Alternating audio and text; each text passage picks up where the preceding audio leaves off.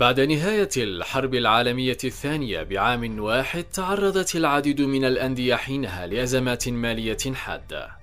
وموجات إفلاس كان على رأسها نادي كارلا يونايتد الإنجليزي لكن الأمر لم يتوقف إلى هذا الحد. بل حدث أمر غريب يحمل نوعا من الطرافة والنادرة في عالم كرة القدم.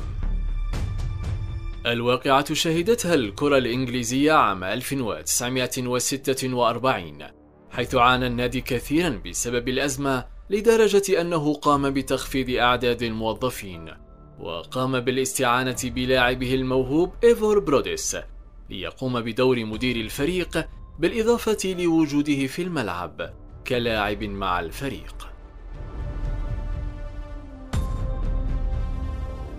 استمر في المنصبين كأصغر لاعب ومدرب في نفس الوقت.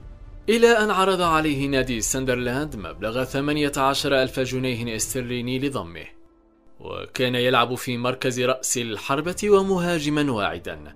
وبالفعل وجد اللاعب أن الفرصة مواتية أمامه للرحيل عن النادي واللعب لأحد الأندية الغنية. وقام بالموافقة على العرض وبالتوقيع على العقود عن نفسه كلاعب وعن النادي كمدير للفريق. ليكون اللاعب الوحيد في التاريخ الذي باع نفسه بنفسه. كان هذا في بودكاست حديث المدرجات. إلى حلقة قادمة.